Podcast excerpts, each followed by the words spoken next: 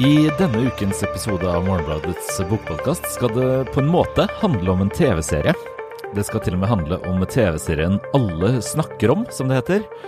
NRKs Makta handler om Gro Harlem Brundtlands vei til nettopp makta. Og den har begeistret både seere og kritikere.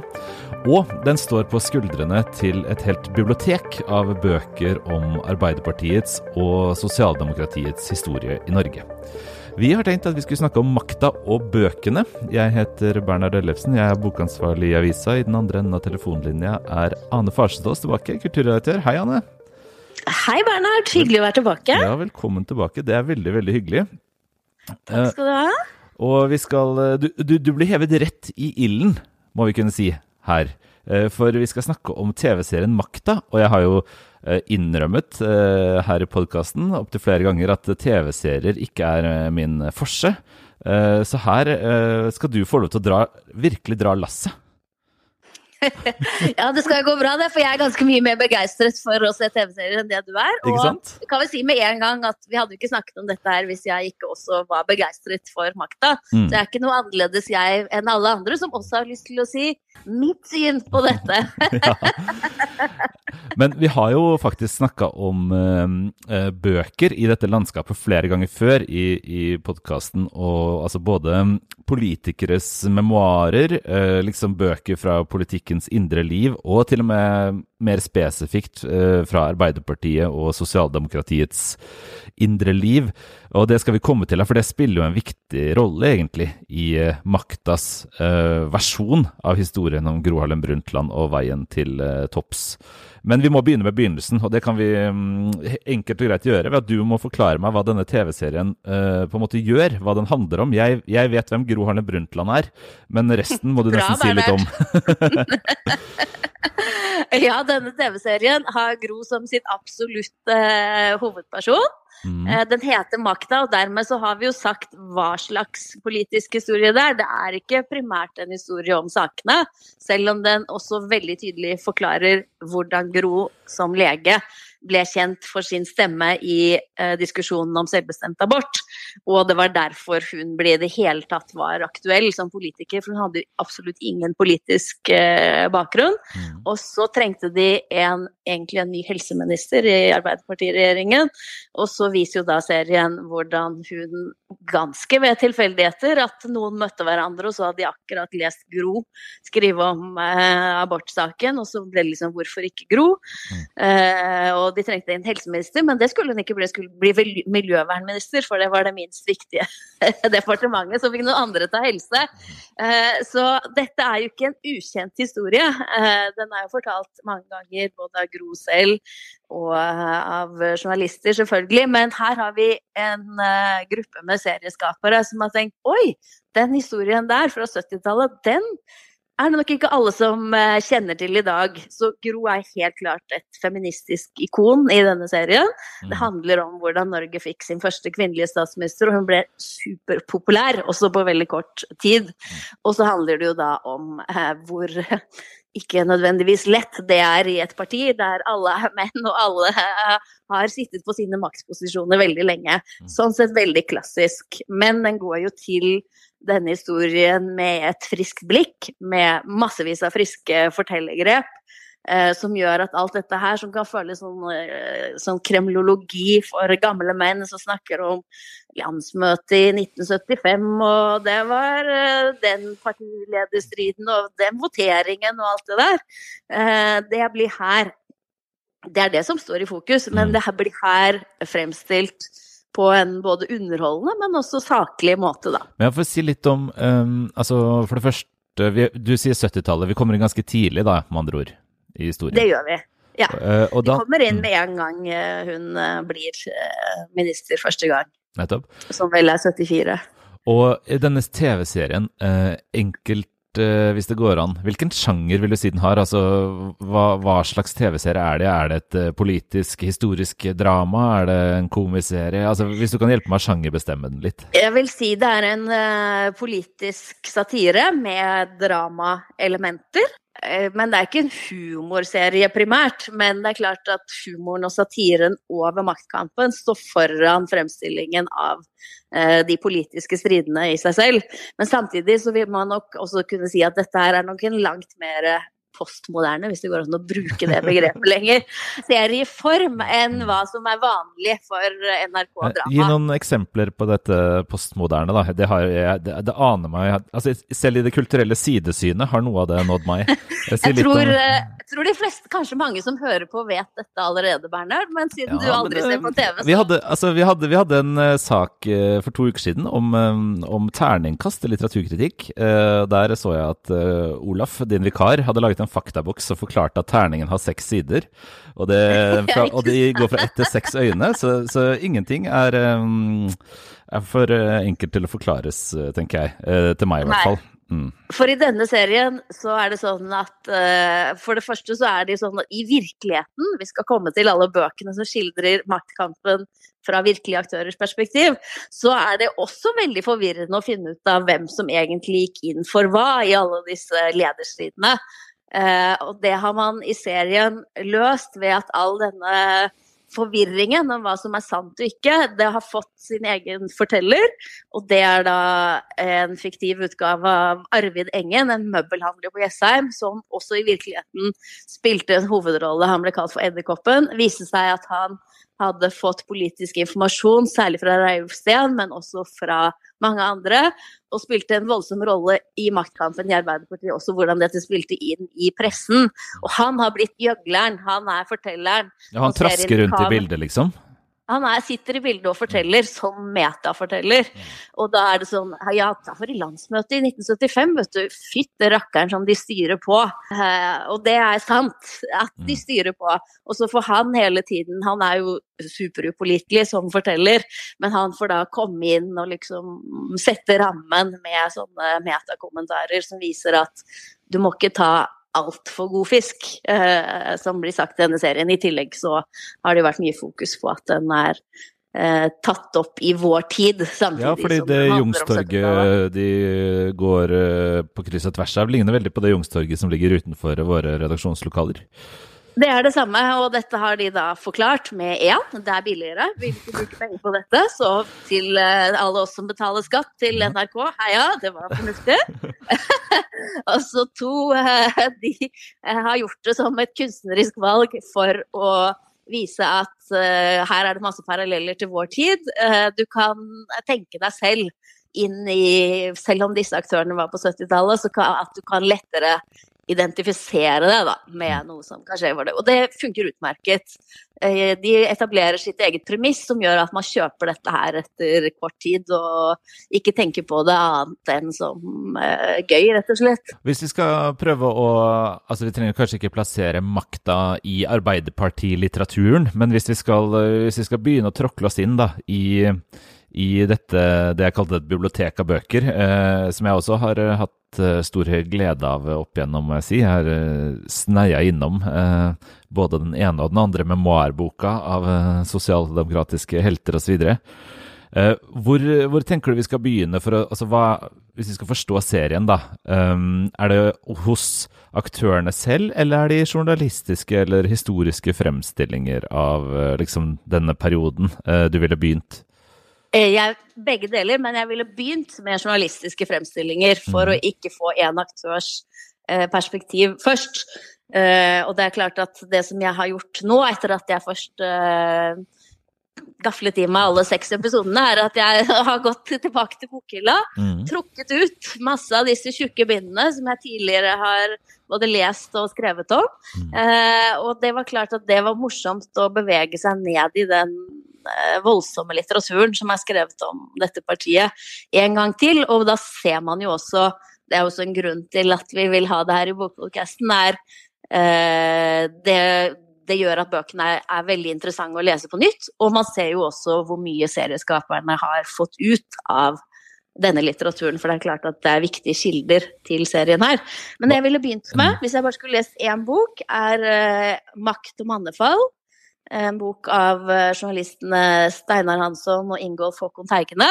Det er liksom den journalistiske eh, skildringen av Gros eh, Gros periode, eh, og hvordan hun ble politiker utenfra sett. Og den eh, regnes jo som en klassiker. Den er enkel å lese og drar på en måte sammen historien på en, eh, er det en, en fin måte. bok serieskaperne altså Tror du de har forholdt seg til den? Det vil jeg tro. Og samtidig så tenker jeg at de sikkert også har forholdt seg mye til en annen journalistisk bok, nemlig 'Edderkoppen' av Viggo Johansen og Pål T. Jørgensen, som altså Det er da eh, etter at denne edderkoppen ble avslørt, og som viser fram eh, alt det, det materialet da, og hans eh, fortelling. Så det er de, de journalistiske. Mm. Men så tror jeg også at de må ha brukt selvfølgelig eh, biografier. Eh, Hans Olav Lahlum har skrevet en biografi om Rauf Steen, som er en hovedperson her, som kom i 2019. Den har nok vært brukt. Og så tenker jeg at de aktørmemoarene, for det er jo sånn at nesten alle som har noensinne vært i Arbeiderpartiets ledelse, har skrevet bok om det. Og ja. mange som ikke har vært i ledelsen nå, de må også ha vært viktige her. Jeg får si litt om, om, uh, om, de bøkene. da, altså Hvilke skikkelser på 70-tallet er det serien bringer oss i kontakt med? Hvem er de, hvem er de gamle ørnene i, ja, det... i reiret her? De, for de har jo også skrevet bøker alle, alle sammen, nærmest? Alle sammen. Også den som er statsminister som uh, først, det er jo Trygve Bratteli, som gir uh, miljøvernministerjobben til Gro. Og så har vi neste statsministeren, er Oddvar Nordli. Mm. Og så har vi da Gro selv, eh, som blir statsminister, også har skrevet bok om sitt eget liv. Og så har vi da Reiulf Steen, som er formann, og som er på en måte hovedantagonisten til Gro. Etter hvert. De var formann og nestformann, var samarbeidet de første årene. Og så blir det en voldsom maktkamp mellom de som er skildret i deres egne eh, bøker også, da. Og der tenker jeg at uh, Reiulf Steens bøker sikkert har vært vesentlige også her. Ja, fordi det, det, altså I mottagelsen av serien så har jo det etter hvert fylt mye. og I hvert fall den siste uka er jo liksom om disse satiriske portrettene i serien. altså Om de er nidportretter i for stor grad, egentlig. Og det gjelder egentlig både mm, Nordli og Bratteli også, men, men særlig Sten, da. Mm. Eh, hvis man, hvis man, holder eh, denne diskusjonen da, litt opp mot, uh, mot Reilf Steens egne bøker Jeg har bare lest én av dem. Den var sen. Den handlet om Arbeiderpartiets eh, fall. 'Ørnen har landet', heter den. Men han skrev jo mer samtidige memoarbøker også. Hvordan, uh, hvordan står de seg opp mot den diskusjonen som egentlig løper i avisene nå, tenker du? Ja, der er det, er det, virkelig mye å finne. Og mm. der, der, tror jeg at uh, serieskaperne har også gasset seg.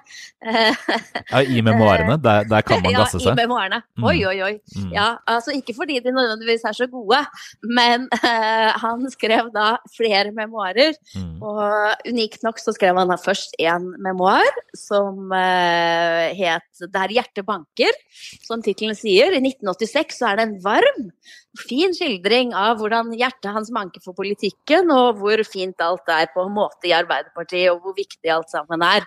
Eh, et Bilder fra et liv, heter det, mm. som undertittel. Det er, rolig, liksom, det, er en rolig undertittel. Rolig, rolig tittel, rolig undertittel. Jeg er veldig rolig. Mm. Dette er 1986. Ja. Og der står det altså om eh, hvordan Gro eh, og han, hvordan dette utviklet seg, og hvordan Gro ble statsminister og partileder. Og der er det skildret som at jo da, det var jo selvfølgelig uenigheter, og sånn er det i et parti, men i et parti må vi ha prosesser, og vi representerer ulike ting, og så ble det hun. Det høres ut som velkjente mønstre, ja. ja. Mm. Sånn, ikke noe spesielt med den boka, sjangermessig. Og så kommer denne avsløringen av at han har snakket med møbelhandler Arvid Engen, og så tre år etterpå, i 1989, så utgir han en ny bok. Bok, og den heter 'Maktkamp'.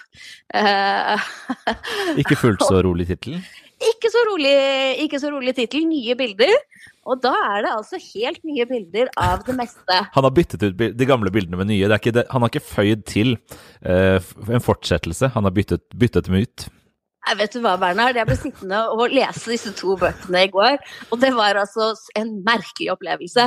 Fordi Eh, man kan si at her er det en lys eksponering og en mørk eksponering. Det har også mm. ofte blitt sagt om dette her. Men det er også dobbelteksponeringer. Altså fra et litterært perspektiv så er det veldig merkelig, fordi en del ting er faktisk klipt og limt. De tingene som han eh, fortsatt mener var greie, de, rammen er liksom Arvid Engen-saken. Og så inni der så er egentlig hele livet hans og karrieren hans. Og der er det mange av de samme bitene. Mm. Og til og med med de samme ordene, skjønner du. Samme ja. avsnittene og samme skildringene. Men så, ved siden av mellom disse, så kommer det altså en versjon av forholdet mellom han og Gro eh, som en maktkamp som er stikk motsatt. Nå er det mørkt, nå er det en sammensvergelse. Det er Gro og hennes støttespillere som har kjørt en kampanje mot han hele veien. Eh, og det, denne liksom mørke kampanjen, det preger alt. Er så uforsonlig eh, bare tre år etterpå. Og han legger ut på en måte alt det som journalister alltid vil ha. Fortell åssen det egentlig var på bakrommet. Og som man vanligvis ikke gjør. Det gjør han her. Eh, liksom alt det, alt det Og så skulle du bare ha sett hvordan de holdt på, da, de andre. Mens jeg, jeg eh, gjorde jo aldri noe galt. Jeg ville bare det rette og det ene og så videre. Ja, Du antyder jo her, sånn er det jo ofte å lese eh, memoar, altså aktørmemoarer, men um, det er jo ofte ikke helt den fortellingen uh, forfatteren mener at skal vinne frem, som faktisk vinner frem. Det kan jo veldig ofte være at man heller får et bilde av stemmen som snakker, heller enn av, av budskapet som, som, formidles. Det kan vel kanskje høres ut som er et bilde som ikke er helt hva skal jeg si, ute av takt med denne seriens portrett, egentlig? Nei, altså jeg syns det var veldig fascinerende å, å lese dette her. Fordi eh, serien har jo eh, Det er noen i Arbeiderpartiet, Torbjørn Berntsen bl.a., som har kritisert eh, fremstillingen av Reiulf Steen for å legge for mye vekt på personlige problemer, alkoholproblemer, nerveproblemer, og for lite på det politiske. Han var veldig intellektuell. Mm. Og jeg er veldig sympatisk på en måte til at det kan være et problem. Mm. Dette er en satire. Selv barna hans har sagt vi aksepterer at det er en satire, at det ikke er hele pappa. Mm. Eh, men jeg kan være enig i at eh, hvorfor skal politikk alltid bli fremstilt som noe komisk? Altså, denne mannen brant åpenbart for ting. Jeg skjønner den kritikken. Samtidig så tenker jeg når jeg leser hva han selv skrev, så tenker jeg men vet du hva? Den, den serien er ikke hard nok. Eller altså, mm. han er ikke hard nok. Han mm. blir for, han blir for bløt i serien i forhold til hvor. Uforsonlig han fremstår, da, spesielt i denne maktkampboka. Mm. Så tenker jeg at det er det som gjenstår når jeg har lest den, er at han impliserer seg selv i veldig stor grad i en maktkamp. Han er, fremstår slett ikke som en utenforstående og nøktern eh, person der. Så, så det, jeg tenker egentlig at det maktkampaspektet i serien det har sikkert eh, lært og lånt mye også fra Reiulf Steens eh, egne ord. da, ja. Selvbeskrivelse, sånn både direkte og indirekte. Er det sånn da at på en måte det er et slags forhold mellom det komiske og det, og det skarpt satiriske? Altså at um, det komiske er jo også litt ufarliggjørende hvis det finnes ja. der. Mens, uh, mens uh, man kan se for seg i uh, altså nesten sånn shakespearske portretter av, av, maktkamp, da, så er det jo liksom det, det uforsonlige og det harde og det mørke som, som trer frem. Og sånn er det jo ofte i, i moderne amerikanske TV-serier om politikk, f.eks. At det er liksom hensynsløsheten som, som, rår. Er det den det på en måte er kunne, kunne nesten vært mer av den? Og, og... Kunne, nesten vært, kunne, nesten vært, mer, tenker jeg, når jeg leser Reiulf Steen selv. Mm. Jeg tenkte ikke det før jeg hadde lest det, faktisk.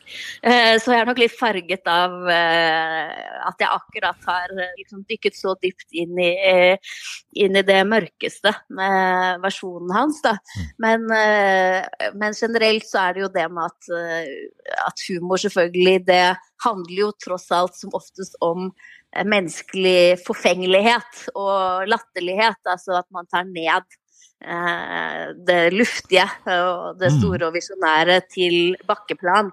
Eh, og det gjør serien fint, eh, syns jeg. Da har vi vært innom to journalistiske bøker og to hva skal jeg si, særegne memoarbøker fra, fra, det som kanskje er antagonisten i, i serien. hvilke andre bøker er det du ville ha trukket frem som interessante i maktas omland her, da? Ja, så ville jeg selvfølgelig da ha lest Gros egen uh, versjon av disse tingene. 'Mitt liv' heter den. Mm. Uh, sånn cirka og... når kom den, da? Er det liksom samtidig, eller er det en sånn etter, etterpåskrevet bok? Jeg tror det var på 90-tallet, ja. Etter mm. at hun var ferdig. Det er akkurat det har jeg ikke sjekket opp nå. Så den er ikke, står ikke like Men den er ikke fra 1984, liksom? Den er ikke mm -mm. skrevet midt i ilden? Nei, nei, nei. Reiulfsten skriver jo midt i ilden, og mm. det er det som gjør det sikkert til en veldig god kilde, men også preget, da. Og den solgte jo 50 000, denne her maktkampboka til Reiulfsten. Det er ikke rart, fordi mm. dette er jo uh, bedre enn uh, tabloidaviser når det gjelder sladder. Mm. så, så, men uh, Gros bok har jo et helt annet har, som har det tradisjonelle preget. At man ser seg tilbake, tilbake og forteller på en sånn behersket og rolig måte. Selvfølgelig hadde man da også som oftest uh, rett. Uh, slik man som oftest har når man uh, ser tilbake på sitt eget liv. men det er veldig interessant å lese den også, syns jeg. også bare i detaljene hvordan det skildres. Helt sånn Og der kan man også sant, se denne serien handler jo tross alt mest om Gro. Er, hun er så hovedpersonen i denne serien. Alle menn er bipersoner. Hun er så hovedpersonen. Det er klart at hennes versjon er jo selvfølgelig interessant da. Uh, og det er også noen merkeligheter, da. Fordi at hun er jo I serien så skildres Trygve Bratteli som en sånn gammel, uh, litt fortapt, sliten mann. Det var han jo også, uh, sikkert på det tidspunktet. Men det er også rare ting, som at i serien så sier han ja, du kan få tid til å tenke deg om, ja, hvor lang tid da? Nei, hvis du kan svare innen et par måneder på om du vil bli minister, sier han i serien, så er det bra skal mm. liksom vise at han er så treig, har så god tid. Ja. I Gros egen bok så står det ja, du kan få et par timer, eh, ja. men jeg må vite i løpet av dagen. Det er det motsatte. Mm. Dette skjønner jeg ikke helt hvorfor liksom Det finnes sikkert tusen andre måter å skildre at han var falt ut av tida. Mm. Men um, altså hvis vi um, har snakket litt om hvordan Sten kanskje fremstår i sine memoarer, hva slags bilde av uh, Gro uh, får du i mitt liv kontra serien, da? Hun, uh, hun er jo, som du sier, heltinnen i, i, i, serien. Er, er Altså, jeg, jeg har f.eks. lest Erna Solbergs seneste bok, som jeg syns har en nesten komisk forteller. så distansert fra alt annet enn nasjonalregnskapet som man kan få det. Og jeg ble veldig jeg syns det var ekstremt interessant å, å se på ja. hvem som snakker i den boka. Uh, hvem, hvem, tenker du snakker Si litt om det. Du, du, må si litt om det, for nå kommer vi jo akkurat inn her etter at uh, Økokrims beslutning om at Sindre Finnes ikke skal mm. etterforskes, mm. og Erna Solberg ikke skal etterforskes av Økokrim for disse aksjehandlene og inhabiliteten. men si litt om Ernas siste bok, da. Hvordan er fortelleren? Nei, for, nei, altså det er jo en, en, bok som handler om konkret uh, politikk, på en måte. Uh, og selvfølgelig skrevet av en politiker som ikke ser tilbake, men som stadig forsøker å argumentere for sin uh, liksom, fortsatte betydning, og selvfølgelig for velgernes gunst. Eh, men den er jo helt uten noen som helst visjoner. Eh, og det er, liksom det mest påfallende. Hun snakker jo, eller skriver, med en enorm eh, kunnskap om alle liksom, detaljene i, ja, i nasjonalregnskapet. Men for meg som leser så er det mye mer interessant å tenke over hvem det er som snakker her, mm. og hvordan det snakkes.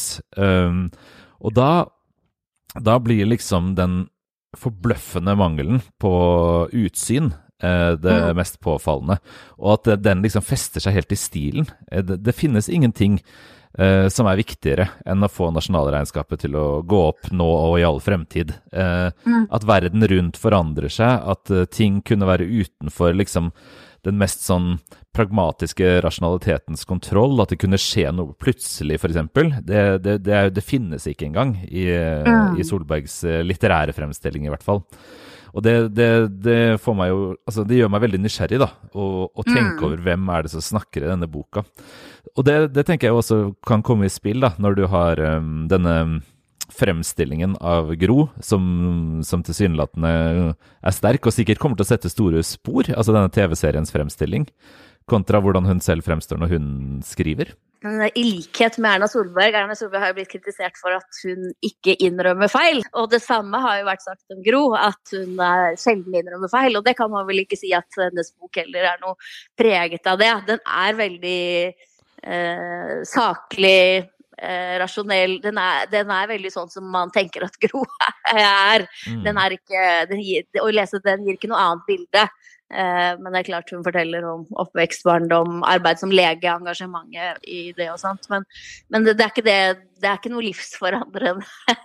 Men stiller det seg annerledes man Altså dette er jo et eh, feministisk portrett, virker det som, i TV-serien. Mm. Eh, Gro var jo en, en, pioner på en annen måte enn Erna Solberg. Altså hun var Norges Absolutt. første kvinnelige statsminister og, og var, eh, var Altså kom eh, frem til makta, da, i en tid som var, um, hvor det var enda mye vanskeligere å være kvinnelig politiker.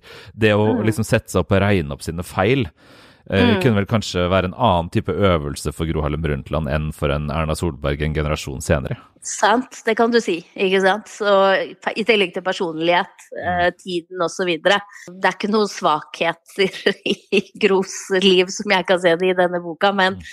Eh, men det er en saklig skildring av ting hun har vært med på og ting som hun er engasjert i. Det er ikke uten utsyn mot verden og de politiske sakene som eh, har gjort at hun har blitt eh, politiker, da, tross alt. Det er ikke så innadvendt som det du beskriver der. Mm.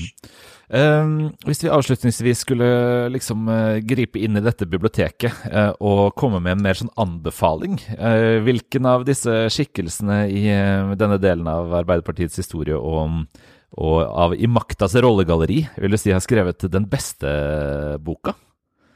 Der er det jo en som skiller seg helt klart ut. Det fins egentlig bare ett litterært mesterverk skrevet av en politiker i Norge, og det er Trygve Bratteli, eh, 'Fange i natt og tåke'. Hva slags bok er det? det Tittelen eh, peker oss jo i en retning her, men uh, fortell litt om boka. Peker oss i en retning som ikke er uh, Det er jo også Arbeiderpartiets historie, men ikke denne maktkampen. Mm. Fordi der vi i serien bare ser Trygve Bratteli på slutten av sitt liv som en gammel, litt støvete mann, så var jo han helt vesentlig i oppbygningen etter krigen. Og han var jo da av den generasjonen arbeiderpartipolitikere som hadde blitt fengslet, og som selv satt i konsentrasjonsleir i Tyskland. Mm. Eh, og eh, han skrev en memoarbok om sine opplevelser der, eh, som er ganske unik i overlevelseslitteraturen i Norge. Fordi jeg har aldri noensinne lest en politiker, altså en maktperson, skrive en bok som egentlig kun dreier seg om kroppen. Det dreier seg om sult, hvordan det er å være sulten, hva som skjer med kroppen din når du ikke får mat. Det handler om diaré, det handler om magesmerter. Det handler rett og slett Det er bare en dag-til-dag-skildring av den lidelsen som det er eh, å eh, sitte som en forsvunnet fange i Nachtons nebel. Mm. Eh, og det gjorde så inntrykk på meg eh, da jeg leste denne boka, så jeg vil eh, virkelig anbefale den. Er det en uh, bok som på en måte er tilstrekkelig til stede i dette universet, altså, altså i seriens univers. Jeg tenker på den, um, det, altså Portrettet av Bratteli har vært omtalt som veldig blekt. Du sier han er en aldrende svekket person, sånn som han fremstilles. Er det uh, blir, blir, vi som seere minna på at han også er en traumatisert person, liksom, i serien? Nei, ikke i det hele tatt, som jeg kan se. Mm. Eh, og det er klart at altså, jeg støtter fullt ut eh, serieskapernes rett til kunstnerisk frihet, og jeg skjønner veldig godt hvis de skulle lagd en serie som var sånn Nei, nå må du fortelle alt om Trygve Bratteli Einar Gerhardsen. Serien får ikke begynt, kommer jo aldri i gang hvis det skal være sånne sidefortellinger om alle de store mennene. Det er klart en må få begynne der en begynner. Jeg tenker likevel at det hadde vært så lett for disse smarte serieskaperne som nettopp er så gode på gode replikker, på å klippe inn ting fra virkeligheten, kunne klippet inn noe faktisk eh, om denne historien, kunne hatt en replikk der enten han eller noen andre eh, viste til at dette var en årsak til hans helseproblemer. Mm. Eh, det hadde vært fullt mulig innenfor det universet, og jeg tenker det bare hadde styrka det. Men det har man ikke gjort. Men da kan man eh, lese boka, herved eh, anbefalt. Eh, dette biblioteket bak rundt over TV-serien Makta kan man jo også lese om på morgenbladet.no, hvor du har skrevet en lang og veldig interessant tekst om, om disse bøkene rundt, og om TV-serien selvfølgelig. På morgenbladet.no kan man også abonnere på avisa og sleng på en skråstrek og en podkast, så får man opp en side med lenke til våre søsterpodkaster om politikk økonomi og kultur. Det anbefaler vi selvfølgelig varmt. Og så snakkes ja, vi må også si at det finnes også en podkast fra Politikk- og økonomipodkasten om TV-serien Makta, der man kan få høre de politiske perspektivene som ikke vi har vært uh, innom så mye her. Nettopp. Eh, den finner man altså på morgenbladet.no podkast. Vi snakkes igjen neste uke, vi, Anne. Takk for praten.